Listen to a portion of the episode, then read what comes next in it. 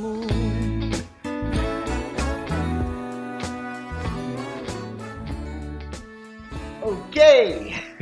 kembali lagi di podcast Mars Venus bersama gua Frankie dan gue Teca. dan kita akan sama-sama ngobrol ya tentang hubungan. Hubungan. Jadi eh ya podcast ini kan sebenarnya isinya sharing lah Beb ya. Mm, Dan pengennya kita santai ya, dan ya kita mulai benar-benar dari awal. Artinya dari awal apa sih ya? Dari kita mau ngobrol-ngobrol tentang hubungan sendiri itu kayak gimana Ah. dan apa menurut kita, menurut pandangan kita. mm, mm, dari cerita-cerita yang kita dengar mm. ya hopefully itu bisa panjang sih kita obrolin Iya, ya nggak sih benar-benar. dan kalau kamu sendiri sejak kapan dan apa sih sebenarnya atau kenapa kamu suka banget sama relationship atau hal-hal berbau hubungan Hmm, kayaknya emang aku tipe orangnya yang suka berhubungan sama orang lain sih sebenarnya. Ya, kalau gitu kalau nggak gitu kamu nggak akan berhubungan sama aku ya Eh, Iya, bener. Ya, eh, sebenarnya sih awalnya karena mungkin aku gregetan ya Hmm. kalau ngeliatin orang yang punya orang lain yang punya relationship, tapi kayaknya main-main aja gitu.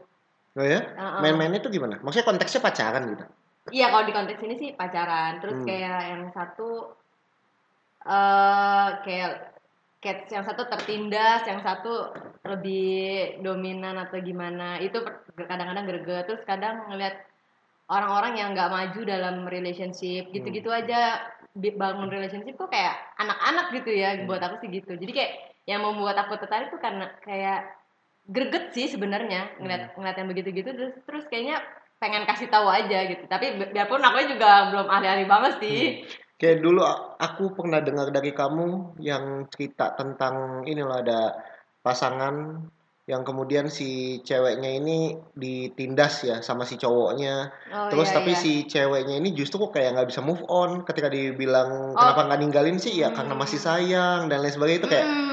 Itu yang bikin kamu greget justru ya. Iya, maksudnya ya kalau emang relationship itu nggak membawa kebahagiaan, kenapa harus dilanjutin gitu? Hmm. Bukan sebenarnya bukan membawa kebahagiaan, tapi kalau emang lo nggak bertumbuh di situ, lo nggak ngerasa happy, nggak nggak merasa dibangun sama pasangan lo, kenapa harus dilanjutin gitu? Hmm. Sebenarnya itu gregetnya. Dan banyak orang justru nggak bisa lepas entah apa gitu. Iya, Kayak cinta takut- apa alasannya ya?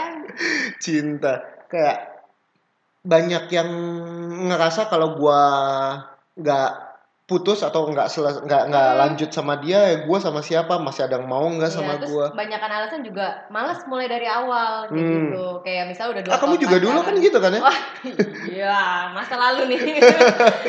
ya, iya maksudnya kayak males lah untuk kenal orang dari awal lagi. Tapi Hmm. ya kalau emang mau hidup lebih baik, ya mau nggak mau harus move dong. Hmm. bener tapi konsekuensinya harus mulai lagi dari awal Mm-mm.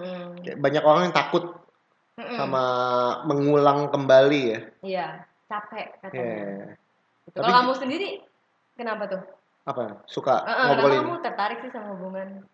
wah eh, sebenarnya dari hampir 10 tahun yang lalu sih beb Wah lama banget ya, aku Hampir udah lahir belum ya? kamu nggak semudah itu sih sayang 10 tahun sudah menikah.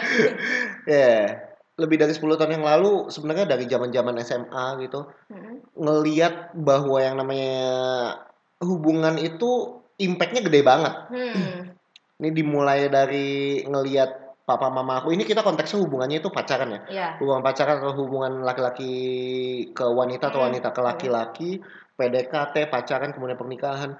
Aku ngeliat justru dari papa mama aku, aku apa ya kayak ternyata pernikahan itu nggak segitu gampangnya loh Iya. di rumah ada aja masalahnya terus ketika ngelihat zaman-zaman SMA itu udah banyak teman-teman yang pacaran dan ya kelihatannya happy ternyata putusnya gampang Heeh. dan akhirnya mulai sadar bahwa yang namanya pacaran itu selalu relate ke jenjang berikutnya adalah pernikahan Mm-mm. dan ketika pernikahan jenjang berikutnya adalah ke punya keturunan Hmm. dan punya keturunan artinya bagaimana lu menghadapi masa-masa pacaran lu atau masa-masa eh, berhubungan lu itu sangat mempengaruhi bagaimana lu eh, me- apa ya mendidik Iya, anak heeh. dan ketika mendidik anak yang ngaco yang salah itu justru ngebuat si anaknya juga bertumbuhnya ngaco gitu. Pokoknya berkelanjutan gitu lah ya Karena aku banyak banget sih ngelihat apa ya hubungan kemudian atau bukan hubungan deh karakter orang Mm-mm. dibentuk justru dari rumah Hmm, aku dan setuju. rumah itu atau dari papa mamanya terbentuk dari hubungan mereka ketika pacaran iya benar gak? benar benar Dan ketika hubungan mereka dari pacaran dimulai dari hub- bagaimana mereka mulai dari PDKT. Ya mungkin kejauhan sih dari orang SA. Sebagai anak SMA itu kayak sosok tinggi banget mikirnya. Ah. Tapi eh, itu yang ngebuat aku berpikir bahwa ya hubungan itu nggak boleh asal-asalan ya. asal-asalan. Hmm, Nah itu juga yang jadi apa ya trigger buat aku untuk mulai berhubungan itu dengan baik, dengan benar dan sangat concern sama teman-teman yang mulai berhubungan, mulai hmm, pacaran kayak lebih banyak ngasih tahu gitu lah atau lebih banyak sharing, Heeh. lebih banyak cerita walaupun belum pernah pacaran saat itu. Dan justru aku kasih kasih nilai-nilai ke mereka ya lu jangan main-main lah sama pacaran lo Terus itu kamu sih. didengar gak tuh kan kamu belum peng- punya pengalaman pacaran Ya, nih entah kenapa ya, Beb. Eh, di zaman-zaman SMA, saya SMA dan kuliah itu nggak mungkin nggak 100% didengar, tapi seenggaknya kalau mereka ada masalah, mereka larinya atau curhatnya kadang-kadang ke aku gitu. Hmm. ini biar pada tahu aja ya kamu emang pacaran umur berapa sih Aku pacaran pertama kali umur 25. 25 tahun ya jadi tenang Jomblo yang, perak. yang jomblo perak masih punya harapan ya ternyata Aku ingat banget waktu eh, ulang tahun ke 25 itu dapat medali jomblo perak, Beb. oh my god ada gak medalinya sampai sekarang Masih ada dong. Saking saking nggak pernah pacaran sebelum umur 25 dan benar-benar jaga banget. Karena aku benar-benar jaga sih, sengaja. Kalau Hmm. ngomong ada PDKT-an nggak sih? Ya ada aja. Tapi ketika hampir jadian, Hmm. waktu itu beberapa kali hampir jadian eh, ngerasa digantungin kemudian bilang ya kenapa kita nggak jadian sih? Aku bilang ya enggak. Kalau mau jadian ya nanti tunggu 25 kayak oh my god. Teradikal itu kamu hidup. Gak tahu sih. Itu justru sekarang aku ngeliat kenapa gue dulu bego banget kayak gitu ya kayak ngegantungin Iya, cewek sih. kesian sih.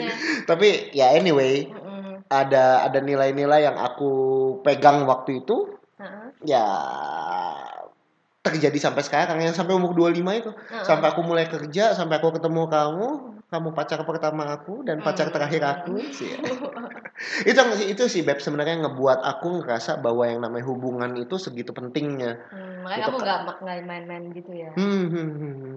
Karena aku ngeliat hubungan itu apa ya, impactnya atau dampaknya ya besar nggak cuma besar, Beb, Panjang. tapi panjang. oh iya panjang besar Panjang besar kayak- kayak apa ya?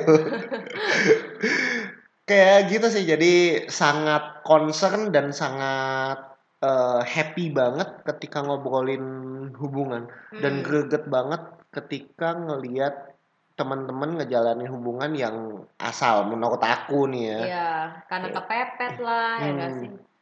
Iya, ya. Eh, kepepet karena umur biasanya. iya karena umur atau enggak ya coba-coba gitu kan Hmm, hmm, hmm, banyak sih teman-teman aku juga begitu apalagi yang masih muda-muda banget nih Hmm. gitu itu banyak sih Aku nggak paham. Kamu waktu itu pacaran pertama kali umur berapa sih? Eh by the way kamu berapa kali pacaran?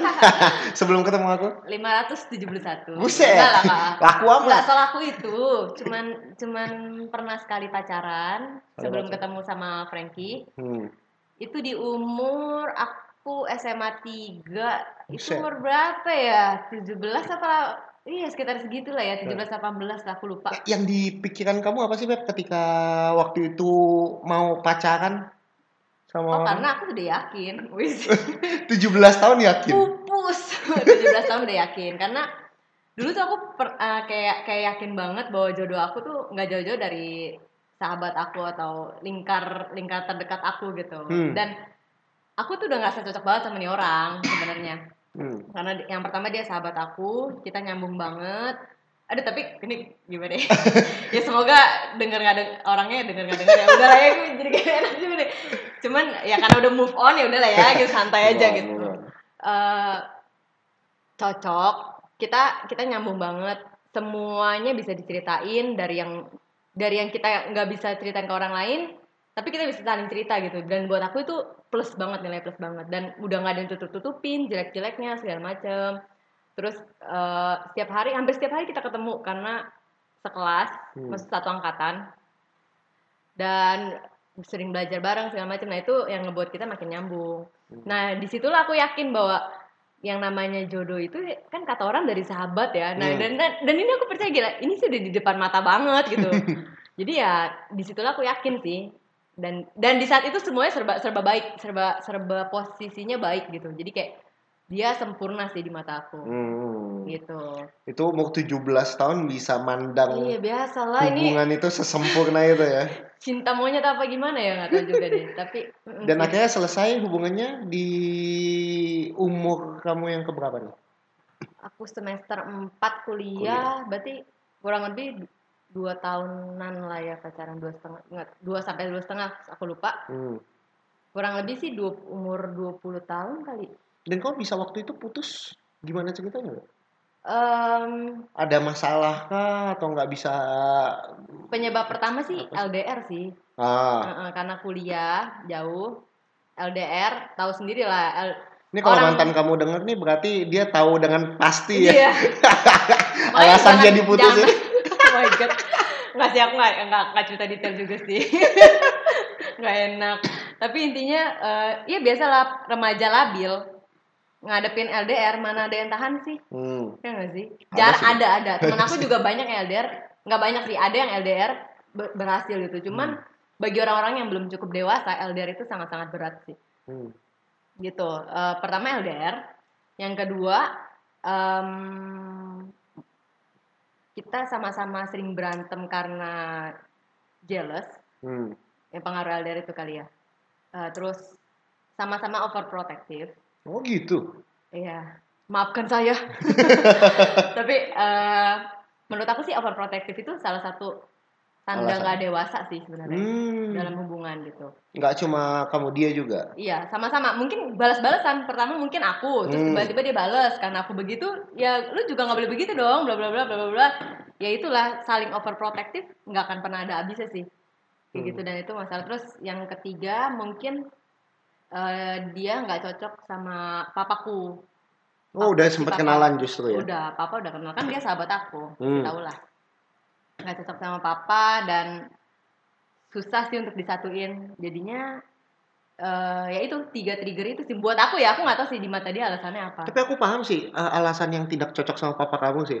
Karena Oh iya, oh iya. karena kamu- aku kan menghadapi si papa ya Oh God. dan ternyata memang benar-benar gak gampang ngadepin Iya. papa kamu ya nanti kita kita iya, bahas iya, ya. itu papa aku emang em- emang orang sulit. Jadi eh, mungkin nanti kita kasih tips and trick ya untuk Tips menghadapi trick. orang tua Calon sulit. mertua. Iya, tapi mungkin di next episode aja. Oke oke oke oke oke. Tapi menarik ya Beb bahwa ya kamu ternyata sempat pacaran dan ketika kamu mulai pacaran kamu melihat bahwa pacar kamu itu seperfect itu Mm-mm. dan kamu mungkin berpikir Dan aku mungkin yakin itu ya, yakin kita bakal menikah selamanya gitu. gitu.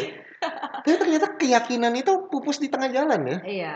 Bahwa apa yang kita pikir perfect atau apa yang kita pikir sempurna di awal belum tentu eh, akan bertahan seperti itu sampai Iya, di akhir. benar-benar. Dan yang membuat itu iya atau enggak sampai akhir yang tadi kamu bilang anak dewasaan. Mm-mm. Betul nggak sih? Betul. Ya, dan nggak semua dari kita bisa paham kita sedewasa apa ketika jatuh cinta. Ya nggak sih? Iya benar. Aku merasa aku bego banget sih waktu jatuh cinta. Mungkin kur nggak temen aku suka nasihatin aku apa, cuman aku kayak jangan dengerin lah. Yang penting kita lihat positifnya pasangan gitu kayak Hmm. ya muna sih sebenarnya. Lihat positifnya aja, kekurangannya jangan dilihat dan dilihat. Tapi kalau dipikir-pikir ya nggak bisa begitu ya. Hidup itu harus balance bener. Kita harus lihat Iya, dua-duanya. harus bisa lihat dua-duanya. Kayak waktu kita mulai bangun hubungan juga ya, kita harus bisa lihat dua-duanya ya. Mm-mm. Ya kamu bisa, aku bisa ngelihat bagusnya kamu, kita ngobrolin jeleknya kamu dan jeleknya aku juga apa. Iya. Ya udah mulai ya sebenarnya intinya dalam membangun hubungan sih buat aku yang aku tangkap dari cerita kamu adalah kedewasaan sih beb Hmm. lebih ke arah daripada melihat dia itu sempurna atau enggak hmm. tapi justru dimulai dari ngelihat gue nya itu cukup dewasa atau enggak Iya, betul untuk banget. bisa memulai Hmm. karena kalau pada akhirnya kita ketemu dulu nih Mm-mm. sama orang yang kita pikir sempurna tapi Mm-mm. kitanya sendiri masih suka jealous yang tadi Iya, kamu bilang nggak terus dewasa. eh, nggak dewasa overprotective Mm-mm. ya nggak akan bertahan lama sih ya Iya, benar benar dan itu sih yang kalau kalau boleh cerita nih Beb, eh, itu justru yang bikin aku punya pemikiran bahwa aku nggak akan dulu aku nggak mau pacaran sebelum umur 22 sebenarnya Dua-dua. Ya, aku ambil keputusan itu 17 tahun waktu aku umur 17 tahun Oh. jadi 17 umur 17 aku bilang eh, gini deh gue nggak mau pacaran dulu sebelum 20 sebelum umur 22 karena gue pengen kuliah serius Hmm. Kuliah serius eh, bener-bener nggak mau nyusahin orang tua Mm-mm. dan mikir gua kalau pacaran gua nggak boleh dana pacaran tuh nggak boleh minta dari orang tua nih Oh, kayak nggak gentle juga. banget gitu loh Iya, iya, kayak iya, minta iya. terus kemudian ya udah ngasih buat pacar bukan ngasih sih artinya kayak nonton gue yang bayarin Bayarin. Mm. makan gue yang bayarin walaupun nggak selalu aku yang bayarin Hmm. tapi kayak ya masih masih disupport sama orang tua buat aku sih kayak aduh kalau pacaran sifatnya masih kayak gitu sih kalau aku pribadi sih aku nggak mau makanya aku Hmm. ambil keputusan udah deh sampai umur 22 setelah sampai lulus sampai mulai kerja Hmm. jangan pacaran dulu deh Oh, jadi landasan pertama kamu karena itu ya soal uang, maksudnya eh lebih ke arah pola pikir dan kesiapan Iya, sih. iya, iya. Karena aku ngerasa walaupun diri sendiri atau pikiran bilang oh bisa nih bisa nih ya udahlah mulai aja pacaran tapi aku sendiri bilang kalau belum siap adalah ketika aku sudah bisa punya uang sendiri itu oh, aku siap waktu itu finansial. Heeh, karena aku nggak pengen pacaran dananya dari orang tua Mm-mm. gitu. itu dulu aku mau mulai dari itu dulu sebelum Hmm. ke uh, karena-karena yang jauh lebih Iya. besar gitu. Ya udah, aku akhirnya sampai umur 22 enggak.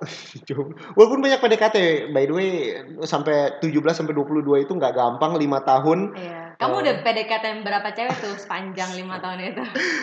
Aduh, berapa ya? 5 ada kan? Waduh, banyak banget tahun satu ya. Ya, Tapi normal sih tahun satu. ya, ya lucu juga sih maksudnya saat uh, punya komitmen untuk nggak pacaran tapi PDKT tetap dilakuin ya agak lucu sih Sebenarnya nggak pacaran sama HTS itu gimana ya bedainnya? Ini ya kamu HTS status sih? Oh, iya.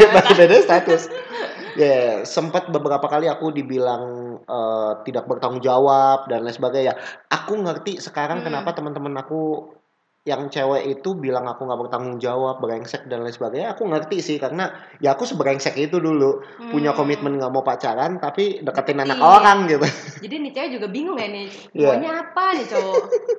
gitu jadi ketika benar-benar umur 22 bilang ya udah nih gue siap nih gue mau pacaran gue udah mulai kerja Iya. tapi justru di situ aku lagi nggak bisa deket sama siapa pun beb Oh, gitu. aku berusaha deket tapi nggak cocok terus eh, dalam tanda kutip kayak nggak ada yang nggak ada Ngeklik. yang ngeklik gitu loh dari umur 22 itu sejujurnya berusaha Hmm. untuk nih kayaknya cakep nih wah ini kayaknya baik nih deketin tapi nggak ngeklik nggak segampang itu beb nggak ngekliknya sama Hmm. si eh, cewek ini padahal sebelum umur 22 kayak gampang aja gitu ngeklik sama cewek Eh, gitu Lucu ya giliran kamu eh, komitmen gak mau pacaran dulu malah banyak Hmm. yang datang yang kayaknya ngeklik. Hmm. Tapi di saat kamu udah komitmennya udah lulus nih, udah lulus ujian, malah nggak ada yang klik-klik ya. ya mungkin itu juga tambahan ini kali ya tambahan mm, tantangan buat Hmm. aku karena dari 22 ke sampai 25 pada akhirnya ya udahlah karena nggak ada yang ngeklik ya udahlah gue santai dan gue fokus sama kerjaan Hmm. nah lucunya justru ketika aku fokus sama kerjaan ya ketemu kamu itu niatan awalnya tidak PDKT tapi emang ya pengen ngobrol aja gitu eh jadi tertarik dan justru ngekliknya gampang gitu Oh, malah yang nggak diperjuang, yang nggak diusahakan setengah mati, maksudnya yang nggak dicari-cari, Hmm, hmm, bener nggak? hmm. Dan yang nggak diusahain, gimana banget, gimana banget, malah akhirnya ketemu sendiri ya. Kalau temu sendiri ya itu sih kalau cerita kita ya. Iya. Banyak dari teman-teman yang lain juga mungkin benar-benar usaha banget kayak Ah. ikut eh, Tinder, Oh, kemudian iya. coba cari jodoh di Facebook, which is nggak salah. Mm, Dan banyak sih. dari teman-teman kita kan yang juga menikah dari sana, Iya. walaupun mereka effort nggak salah. Tapi kalau dari konteksnya kita, kita ngelihat, kalau uh, aku sendiri ngelihat hubungan itu segitu penting, makanya aku komit banget nih untuk Hmm. jaga dan mulai hubungan atau mulai pacaran ketika aku benar-benar siap. Mulai Hmm. dasarnya dari mana sih? Ya siap hati sama siap financial Hmm. gitu. Nah kalau dari kamu sendiri waktu putus Hmm. terus sampai ketemu aku dan kita serius itu berapa lama lu? Eh, kurang lebih sih ya 2 sampai 3 tahun kali ya, nggak terlalu lama. Buat kamu lama gak sih itu? Enggak sih, nggak lama buat aku karena enjoy sih. Hmm. Eh, ngejalaninnya juga ternyata maksudnya di selama 2 sampai 3 tahun itu aku baru ngerasain oh ternyata kayak gini ya eh, dunia kerja, dunia kuliah tanpa pacaran. Jadi kan Hmm. dulu kan yang aku bilang kita sama-sama protektif itu nggak nggak ada kebebasan gitu dan setelah move on jadinya lebih bebas, lebih bisa explore diri sendiri segala macam gitu. Jadi nggak terasa lama sih Hmm. sejujurnya dan aku menikmati itu enjoy dan lagi nggak kepikiran juga untuk cepet-cepet bangun hubungan sama orang lain sih Dan akhirnya masuk kerja, masuk kantor, iya aku yang trainingin. oh iya ya itu itu kisah pertama kita ketemu itu sebenarnya di kantor Hmm. itu kantor pertama aku aku fresh grad dan biasanya fresh grad itu eh ada training untuk ngenalin value-value perusahaan gitu. Hmm. Nah trainingnya ini diajar sama Frankie dan di situlah pertama kali kita ketemu. Dan emang di situ juga nggak ada intensi apa-apa untuk PDKT sih biasa aja sih. Hmm. Karena ya enak, ya bukan enak sih maksudnya kayak kelasnya emang enak, makanya sempat beberapa Iya. kali kan ngajak satu kelas makan bareng gitu-gitu. Ya, Tapi nggak ya, sengaja sih Pada pada akhirnya ngekliknya sama kamu. Sebenarnya. Dan jadi udah tembakin banyak-banyak yang di situ. Udah. Yang kena cuma satu. Udah kasih jaring ke 11 gitu ya. Yang diterima cuma kamu gitu. Aduh. gitu sih jadi eh, kalau dari aku pribadi aku ngelihatnya se- pas aku ngerasa aku siap ternyata nggak dipertemukan gitu tapi Hmm. kayak aku merasa bahwa ya udahlah santai dulu aja Nah, benar-benar.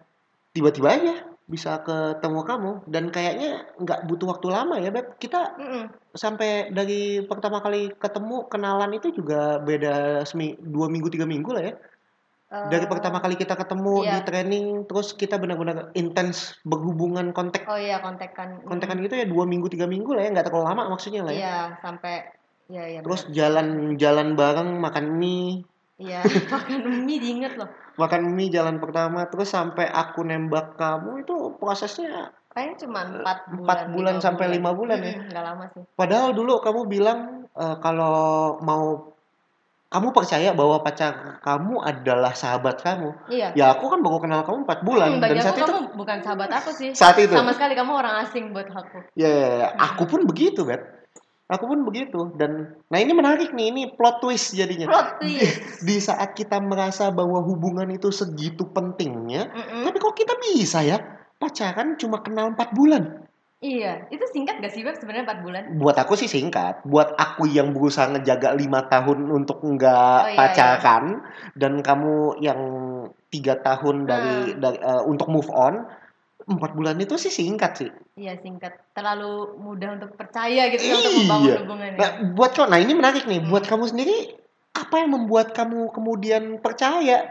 Padahal kamu bilang bahwa ya kamu merasa hubungan itu penting, pacaran itu penting dan Hmm. ya kemudian kamu kenapa kamu bisa sepercaya itu Oh, sama se- aku? Sebenarnya sih aku nggak sepercaya itu sama kamu di. Wow, jujur ini aja. baru ini. Penilaian berlangsung ketika semuanya dijalanin. Eh tapi itu penting loh.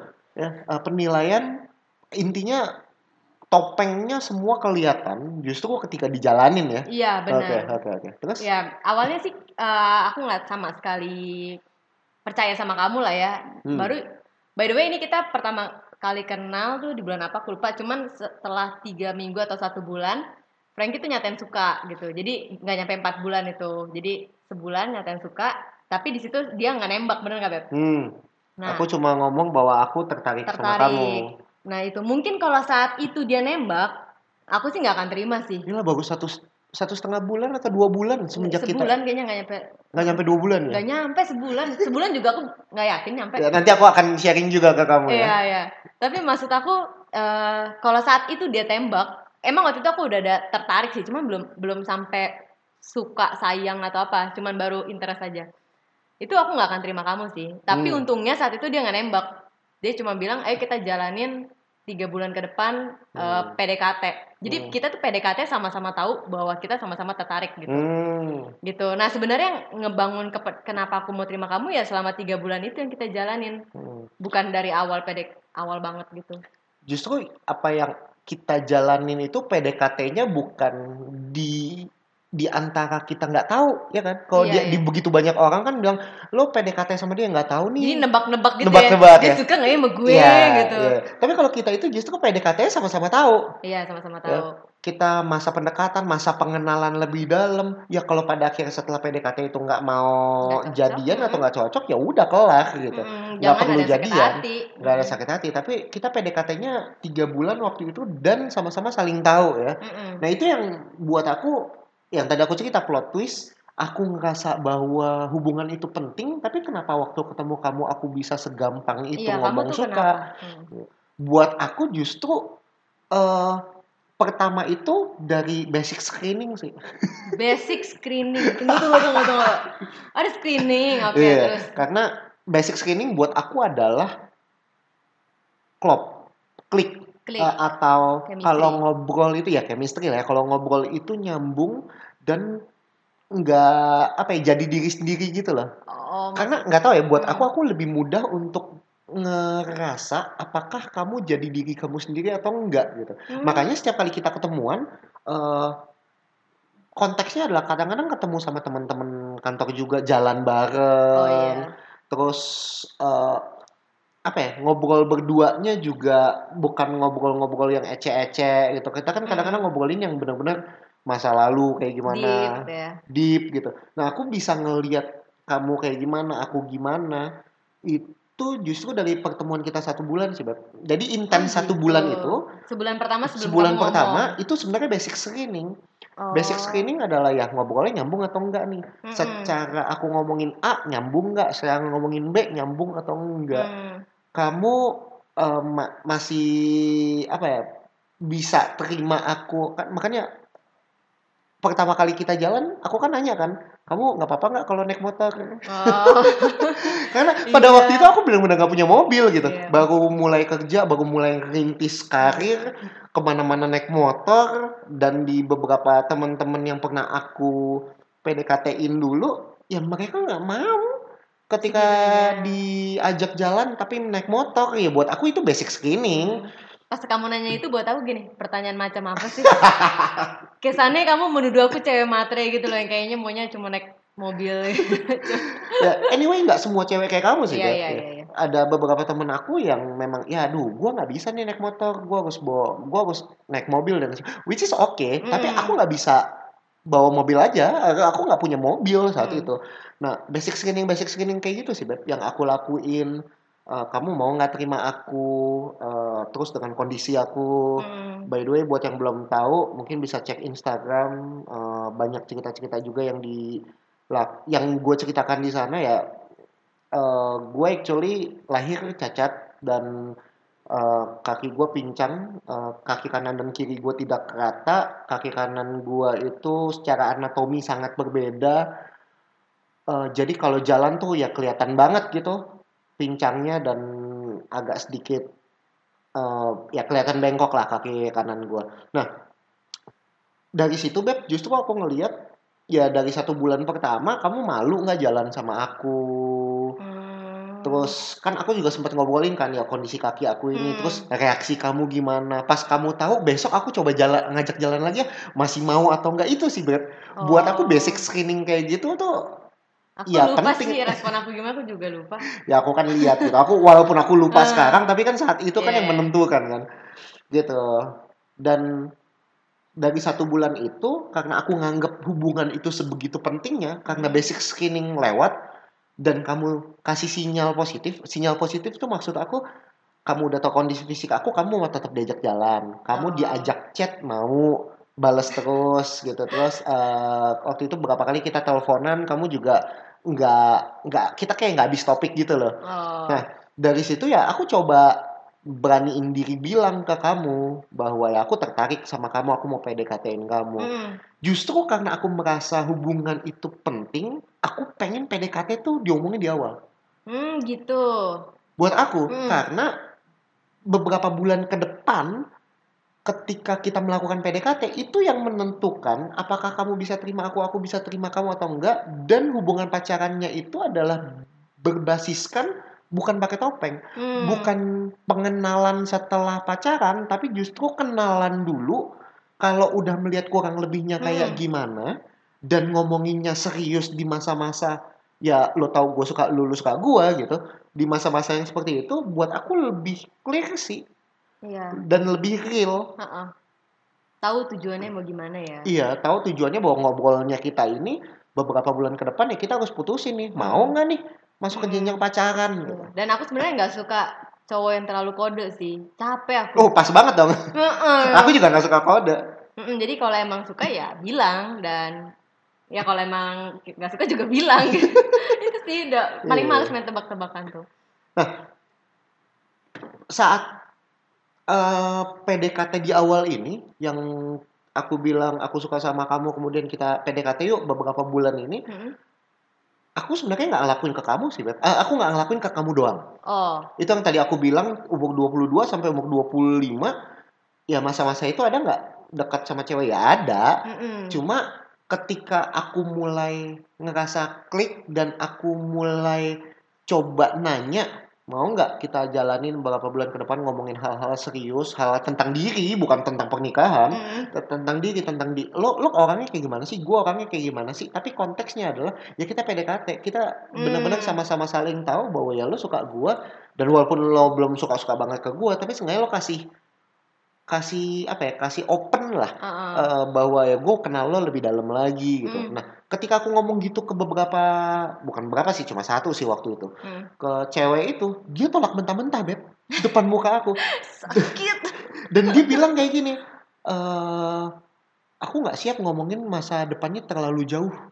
Oh. Ngerti nggak? Jadi oke, kayak oke, buat aku oke, berarti lo nyarinya yang ngelihatnya masa lalu sama masa sekarang gimana sih gitu loh. Hmm. Kayak ya buat aku langsung oke nih udah nggak cocok nih karena Hmm. aku nyarinya yang benar-benar ngelihat hubungan itu sepenting itu. Mm-mm. Makanya sebelum masuk ke jenjang eh, apa pacaran, aku pengen kita sama-sama saling kenal tuh lumayan deep supaya kita bisa memutuskan ketika pacaran ini jangan sampai oh ini juga salah satu alasan aku kenapa eh, ngobrolin panjang lebar di masa PDKT ini adalah aku nggak pengen ketika pacaran putus cuma karena hal-hal yang sangat umum yang kemudian dilumrahkan begitu banyak orang Hmm, namanya contohnya. ada- namanya adalah ini kayaknya gue nggak cocok sama dia Oh. Wah, buat aku tuh itu terlalu apa ya?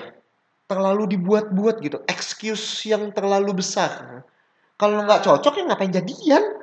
Mungkin karena dia belum tahu di awal-awal itu. Exactly. Nah, buat aku beberapa bulan PDKT itu justru ya buka topeng, Hmm. buka topeng, cari tahu tentang ya Iya. gue gimana sih orangnya, lu gimana sih orangnya, dan sebisa mungkin pacaran jangan putus cuma karena alasannya nggak cocok.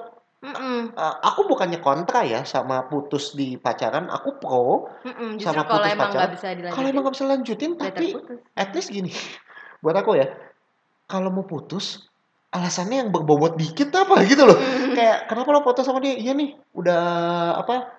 Udah nggak cocok lagi. Nggak cocoknya apa gitu? Iya. SMS eh, apa WA segala macam itu lama balasnya. Ya Hmm. lo harusnya udah tahu semenjak PDKT. Dan kalau emang mau misalnya buat aku putus itu karena hal-hal yang prinsip. Contohnya? Contoh, eh, ternyata aku selingkuh atau aku ngebohongin Oh kamu iya iya iya. atau ternyata Kekerasan. kekerasan. Buat aku pro nggak sama putus pro banget. Mm-mm. Itu kan nggak mungkin kelihatan waktu PDKT ya. Iya. PDKT elus-elus. Iyalah. eh, tapi pas udah pacaran kadang-kadang tabok sedikit. Nah kalau emang ternyata berubah banget gitu dan udah masalah prinsip, kalau ya gue prinsipnya adalah gue nggak suka kekerasan dalam hubungan. Dan Nah. ketika lo ngelakuin itu ketika pacaran, ya gue akan dengan gampang bilang ya udah selesai Mm-mm. gitu karena itu tidak keluar waktu PDKT buat aku that's fine Mm-mm. cuma kalau masalahnya adalah komunikasinya nggak cocok nggak nyambung dan lain sebagainya ya lu waktu pacaran nyambung Mm-mm. tapi pas udah mulai pacaran jangka waktu lama kok bisa nggak nyambung ya artinya ada yang salah gitu loh Mm-mm. dalam masa PDKT itu buat aku Ya, ya, ya. ya aku mulai cerita kamu dong Ngapa aku jadi seru dengerin kamu nih? oh gitu ya waktu waktu kamu pertama kali denger bahwa aku lagi PDKT-in kamu Mm-mm. terus kita kalau nggak salah kan kita sepakat ya mau berapa bulan Iya. eh, masa nunggunya gitu masa kenalannya Heeh. dan kita sepakat di tiga Tiga bulan, bulan. ya tadinya hampir satu tahun ya Iya. satu tahun enam bulan turun tiga bulan Tawar bulan. terus. apa yang membuat kamu mau padahal tadi kamu bilang ya kamu nggak yakin yakin juga sama Iya. aku waktu itu Aku 50-50 sih jadian sama kamu. hmm. Maksudnya eh, justru yang aku pengen apa yang bikin aku mau adalah aku juga pengen pacaran yang serius karena aku udah buat aku nih aku waktu itu aku putus sama yang pertama itu move onnya susah Hmm. dan aku tuh memang orangnya gampang suka sama orang lain Hmm. tapi kalau udah suka aku susah move on Ah. gitu jadi aku nggak mau nih kalau aku udah kasih kamu hati eh, dalam arti di sini pacaran gitu ya udah kasih kamu hati seluruhnya terus tiba-tiba kita nggak cocok putus lagi nah aku capek tuh capek Hmm, banget hmm, move on itu capek gitu jadi buat aku daripada wasting time mending investasi waktu di awal Hmm. gitu jadi eh kalau karena kamu yang minta kita PDKT dulu saling kenal satu sama lain ya that's good gitu jadi Hmm. kayak oh ya udah eh, jadi aku pun punya waktu untuk mikir Hmm. ini sebenarnya cocok apa enggak kalau nggak cocok ya udah kalau cocok ya bisa lanjut gitu Hmm. sih Hmm. Nah yang eh, aku juga sebenarnya cari yang serius dan aku lihat orang-orang begini sebenarnya serius orang-orang begini yang sebenarnya menganggap hubungan itu penting Hmm. nah itu sih itu sih yang bikin aku mau di PDKT-in kayak gitu Padahal ya lumayan ya waktunya ya. Dan Mm-mm. saat itu ya akhirnya close relationship artinya, ar- artinya ya. Mm-mm. Close relationship walaupun kita belum jadian tapi me- sementara menutup mata dulu karena Iya, benar-benar yang lain. Untuk cari tahu masing-masing calon pasangan ini seperti apa. iya Pengalaman kamu setelah tiga bulan di PDKT-in serius itu gimana? Aneh gak sih? sebenarnya awal-awal aneh sih soalnya aku nggak pernah digituin sama cowok biasanya Hmm. ya ya standar lah Buat aku juga aneh sih, Beb. Karena kan aku nggak pernah ngelakuin Iya. itu ke cewek. Buat aku, kalau kamu bilang itu pertama, aku juga pertama. Oh, iya. Terus, terus. aneh tapi menarik sih kalau buat aku eh dan aku sukanya kalau kamu orangnya lebih ngelit gitu nge apa namanya lebih mimpin lah kalau dalam hubungan tuh kamu yang lebih inisiatif mau kenal gini gini apalah Hmm. eh, apa yang mau kita omongin selama masa PDKT itu kamu yang lebih baik yang lebih aktif gitu dan aku belajar banyak sih dari kamu dan di situ makin ngerasa bahwa eh ya kita punya prinsip yang sama soal relationship Hmm. Prinsip apa tuh? Maksudnya yang menganggap relationship itu penting Ya. itu bukan main-main dan ya itu Yang kita bahas waktu itu apa sih selama tiga bulan, Beb? Mungkin Wah, bisa berat sih ya. sharing. mungkin Berat. besar Kamu sendiri merasa berat ya? berat Bisa. lah tau gak sih pertama kali yang di sharingin tuh apa biasanya mah orang makanan kesukaan lu apa sih gitu yang standar ya hobi lu apa sih kerjaannya gimana sih karirnya gimana itu kan standar ya ini dia nanya gini nih "Eh, visi hidup kamu apa? Oh my god kayaknya di situ aja bingung visi apa nih? Visi bedanya sama misi apa ya? Gak tahu tuh terus kayak "Eh, ya udah aku jujur-jujuran aja sih waktu itu orang bilang aku nggak tahu. Terus akhirnya dia dia coba gali lebih dalam dan akhirnya aku yang ketemu oh ternyata gue pengennya hidup gue tuh begini begini begini gitu. Hmm. itu salah satunya visi. Terus yang kedua karakter ya. Lebih ke arah Perbedaan sih. perbedaan karakter kita. Terus ada juga yang dibahas kriteria su apa ya pasangan idaman tuh kayak apa sih? Hmm. dan apa sih yang maksudnya dari sekian puluh kriteria lo itu mana yang paling penting dan yang harus ada di pasangan lo yang kalau nggak ada lo nggak bisa nih hidup sama dia. Critical principle ya. oh iya itu namanya kritika prinsipal ya ya gitu. Itu dibahas dan buat buat gue sih itu itu yang paling yang cukup penting sih. Hmm. Jadi justru di sesi itu atau di apa? PDKT PDKT-an pas ngobrolin critical principle itu itu kita introspeksi banget ya. Mm-mm. Itu eh, ya prinsip paling kritisnya kamu ke eh, ke calon pasangan. pasangan itu kayak gimana aku ngelihat ada nggak sih di aku Mm-mm. kemudian aku juga waktu ceritain critical principle itu aku jadi reflect lagi gitu aku pengen yang suka anak-anak misalnya aku perlu ngelihat nih kamu Hmm. ketika kelihat eh, atau atau ketemu sama anak-anak kayak gimana Hmm, kayak gitu-gitu sih buat aku Hmm. justru bisa ngecek satu sama lain justru aku Iya. juga mikir sih waktu aku bilang prinsip apa aja yang harus ada atau karakteristik apa aja yang harus ada di pasangan itu aku juga mikir sih Hmm. apa ya yang gue mau dari pasangan ya Iya. Gitu. Itu benar-benar seleksi sih dari sekian puluh yang kita mau kriteria Hmm, harus diseleksi secara ketat Hmm. mana yang harus benar-benar ada hmm. itu. Terus apa lagi ya yang kita bahas tuh tentang keluarga tentang keluarga, masa lalu kita masing-masing. Terus apa yang jadi sisi tergelap hidup kita? yang nggak pernah diceritain ke orang lain mungkin Mm-mm. Terus eh, apa lagi ya? keuangan Oh iya, financial bener. Kita terbuka Hmm. soal berapa besar gaji kita dari situ ya dan pengeluaran kita untuk apa aja sih? Misalnya untuk keluarga Hmm. atau punya tanggungan apa, punya hutang apa. biar nggak ada hidden agenda ya Mm-mm, itu dari dari PDKT loh. itu kan biasanya orang udah setahun pacaran lah ya, kalau nggak enam bulan lah minimal. Hmm. gitu. Ya, nggak tahu sih. Justru kita ngobrolin ini bukan berarti ini harus jadi standar ya. Tapi justru Iya. ini yang kita lakukan yang membuktikan bahwa hubungan itu seserius itu buat kita. Mm-mm. Dan anyway, beberapa teman-teman nyari tahu ya waktu kita cerita itu teman-teman cari tahu apa aja sih yang lo ngomongin waktu PDKT gue dong pengen ngobrol gue pengen ngomongin dong sama pacar gue Mm-mm. ya nggak apa-apa juga mereka ngobrolin sama pacar mereka sebelum mereka pernikah masuk ke pernikahan Iya. menurut aku sih itu penting banget ya Mm-mm. seenggaknya ada obrolan-obrolan serius yang nggak cuma sekedar makan hari ini lo ngapain Mm-mm. Sebenarnya itu kayak penanggulangan, pencegahan ya. Hmm, atas atas isu-isu yang mungkin terjadi di depannya gitu. Ya Jadi nggak kaget aja sih. Jadi sebenarnya udah pernah diomongin. Oh iya ya ini nih yang waktu itu dia omongin nih kekurangannya begini begini begini. Hmm. Seenggaknya udah ada tahu dari awal bisa Hmm. antisipasi dan kalau emang dari awal tahu itu nggak bisa diantisipasi ya Hmm. mungkin bisa dipikir-pikir lagi. dan kita sangat terbuka terhadap kemungkinan bahwa kita nggak jadi ya waktu Iya. itu ya dan Ya kita udah ngob- nggak jadi juga ya udah ya, gitu. kita ngobrol banget bahwa ya udah nanti kalau emang ternyata dari semua yang kita obrolin kita nggak cocok ya seenggaknya kita pernah eh, ngobrolin tentang hal ini dan nggak putus ketika baru ketika udah pacaran Iya.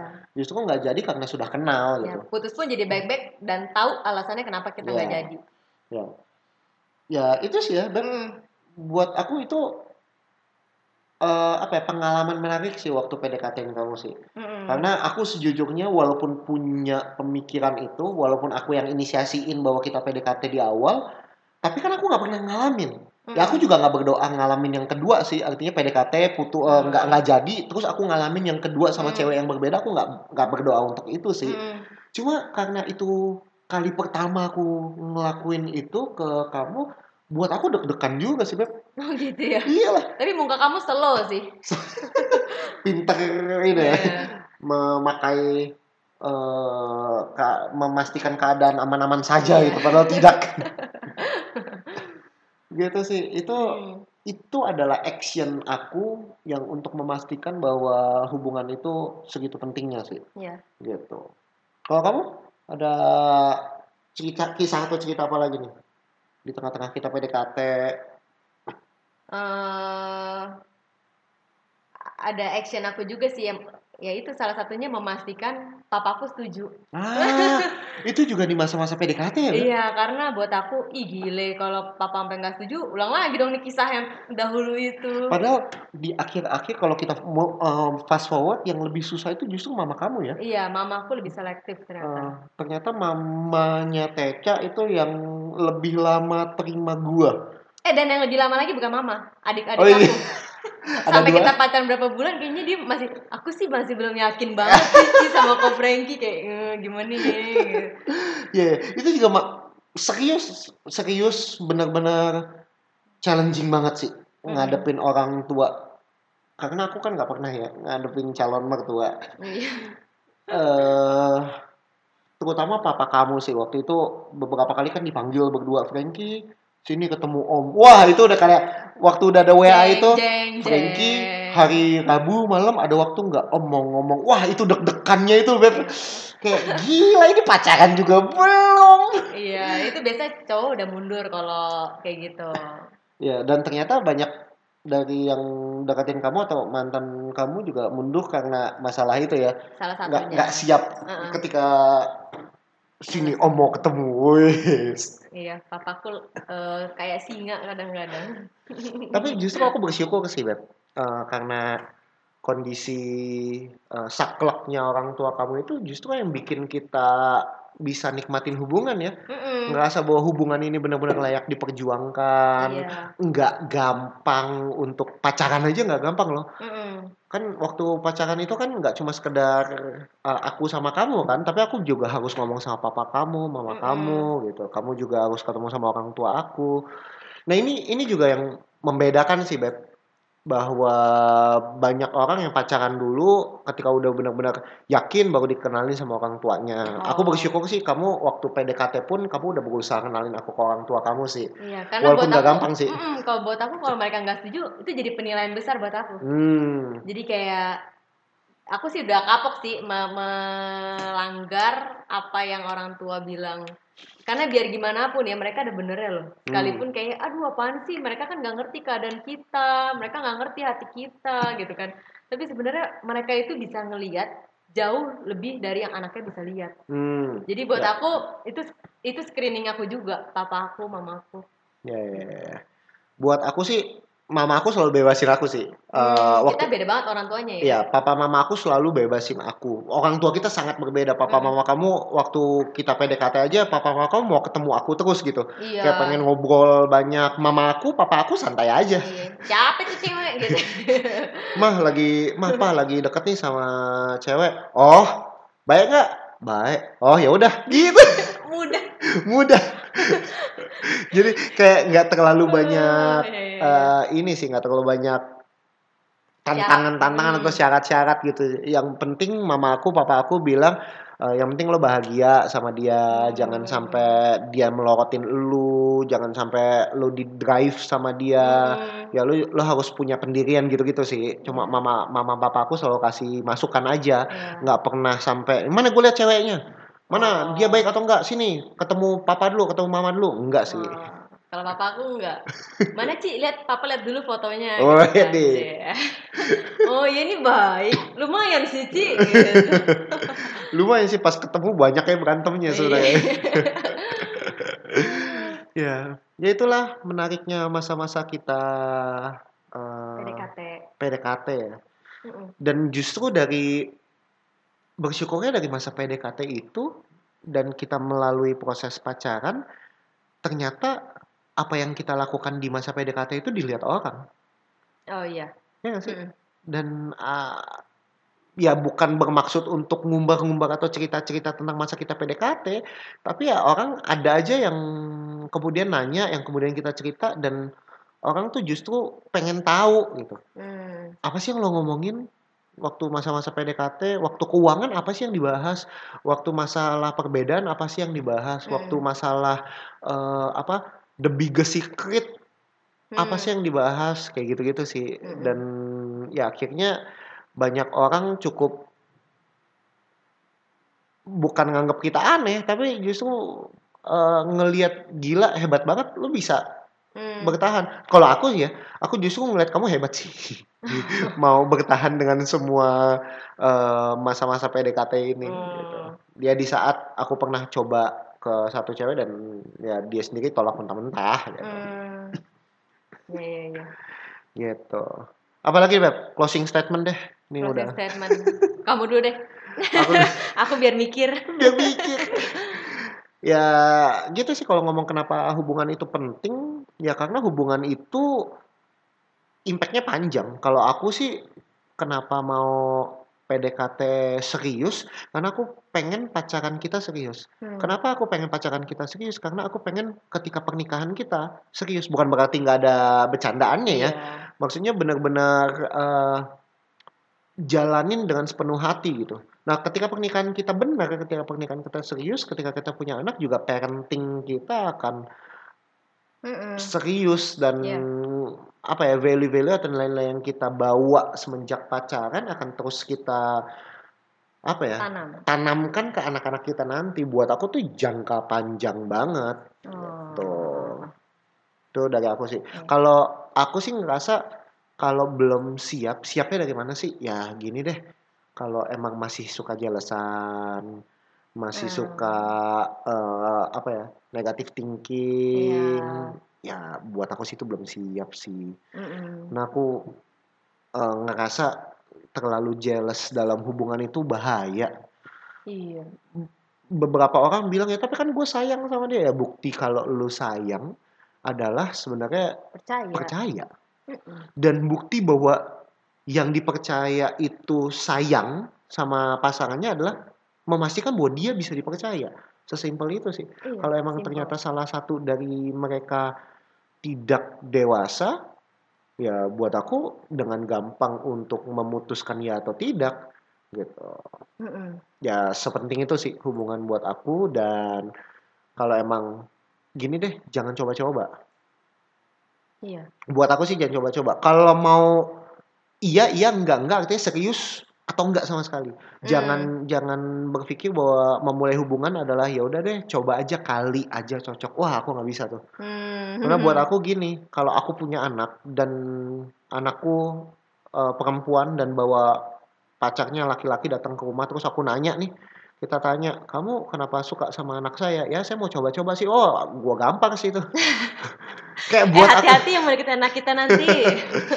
buat buat aku pribadi sih ya kalau nggak mau aku sih nggak suka dicoba-coba Hmm. Eh, kamu pacaran sama aku ya karena kenapa lu suka sama gue ya kita coba dulu aja hubungannya ya aku karena aku nggak mau coba-coba makanya aku tidak mau mencoba-coba Hmm. Ya betul. Mm, boleh nggak putus atau boleh nggak ketika nggak cocok eh, selesai ya boleh aja tapi bukan konteksnya bukan untuk coba-coba dulu di Mm-mm. awalnya gitu ya Mm-mm. itu menunjukkan kedewasaan sih Iya. buat aku dia sih Hmm. kamu Kalau buat aku sih eh, yang paling penting adalah kenal dulu calon pasangan kamu di awal. Hmm. Eh, jadi nanti nggak kaget pas lagi pacaran dan setuju sama Frankie bahwa pacaran itu bukan untuk coba-coba sih. Hmm. Ya terserah sih orang bisa coba-coba cuman resikonya ya kalau lo coba-coba ya lo capek sendiri dan habisin waktu, habisin energi, habisin duit Hmm. dan ya banyak lah kerugian-kerugian lainnya. Jadi kalau emang mau yang langgeng, yang yang panjang, long last ya long last ya kenalin dulu pasangannya sedalam mungkin, jangan dibutakan sama cinta nah penting tuh dan PDKT itu selain gunain hati, gunain juga logika ya gitu. Jadi jangan mentang-mentang udah suka, udah saling suka, terus eh, itu tanda bahwa kita harus jadian, enggak Hmm. sih. Tapi ke- logika itu harus main. Kalau Hmm. emang nggak cocok, ya jangan diterusin. Kalau emang cocok, ya udah Hmm. lanjutin dan Hmm. lanjutinnya dengan komitmen gitu sih exactly dari Exactly. aku. buat ya benar sih web logika harus di atas perasaan ketika PDKT. PDKT. Ya. Justru ketika PDKT udah pacaran buat aku. Hmm, oh ya Kalau- aku punya statement juga nih. Apa nih? Eh, apa komitmen itu Hmm. penting buat aku di saat pacaran atau dan pernikahan. Hmm. Tapi komitmen itu belum penting pada pada saat PDKT. Benar. Nah itu juga eh, selaras sih sebenarnya sama apa yang aku mau ngomongin di akhir adalah ya logika itu harus di atas perasaan Mm-mm. ketika PDKT dan pacaran Mm-mm. gitu. Tapi ketika kenapa kenapa logika di atas perasaan waktu PDKT dan pacaran jangan sampai karena gini perasaan kita tuh gampang membohongi logika kita sebenarnya. Mm-mm. kayak ya tapi gue cinta sama dia tapi dia agak eh, main tangan nih sama gue gimana ya? Iya. kadang-kadang kita dibutakan sama logika. Tapi buat aku logika harus di atas perasaan eh, waktu PDKT dan pacaran. Tapi setelah pacaran which is naik ke pernikahan itu udah harus eh, apa ya bukan perasaan di atas logika sih tapi justru ada atasnya lagi namanya lah komitmen. Hmm. gitu. Komitmen di atas logika dan perasaan walaupun Iya. karena karena kita udah disatukan dalam pernikahan ya jangan lagi mikir bahwa lo eh, apa ya nggak ada opsi untuk berpisah. Iya nggak ada opsi gitu makanya Hmm. perlu banget untuk ngenalin di masa PDKT dan pacaran Hmm. putus-putus deh kalau emang ternyata nggak Cocok. nggak cocok dan itu akan mengganggu masa depan Hmm. dibanding eh, apa ya ber, ber- bersembunyi di balik tapi kita udah pacaran 6 tahun. Hmm, tapi kita udah DP. Tapi iya kita udah DP eh, bangunan. Aduh, lebih baik rugi deh daripada rugi seumur hidup.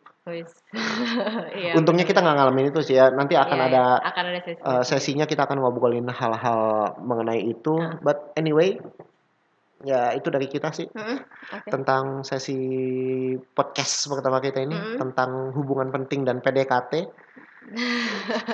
Yes, betul. Kalau ada kritik, saran, masukan, monggo banget Mm-mm. ya nanti gua coba catat deh di deskripsi podcast ini IG kita Iya. ya di @franky7172 atau Dan Teresia Teca. Rahasia Teca. Nanti boleh komen apa pun kalau mau ada sharing cerita juga boleh di sana kita akan mungkin kita akan bahas anonimus Ya. materi ya bah- bahan-bahan itu lah ya cerita-cerita itu lah ya. Oke, see you See you di podcast kedua ya. podcast kedua ya. Hopefully ini bisa uh, easy listening lah ya. Ya. See you. See you, bye-bye. Thank you.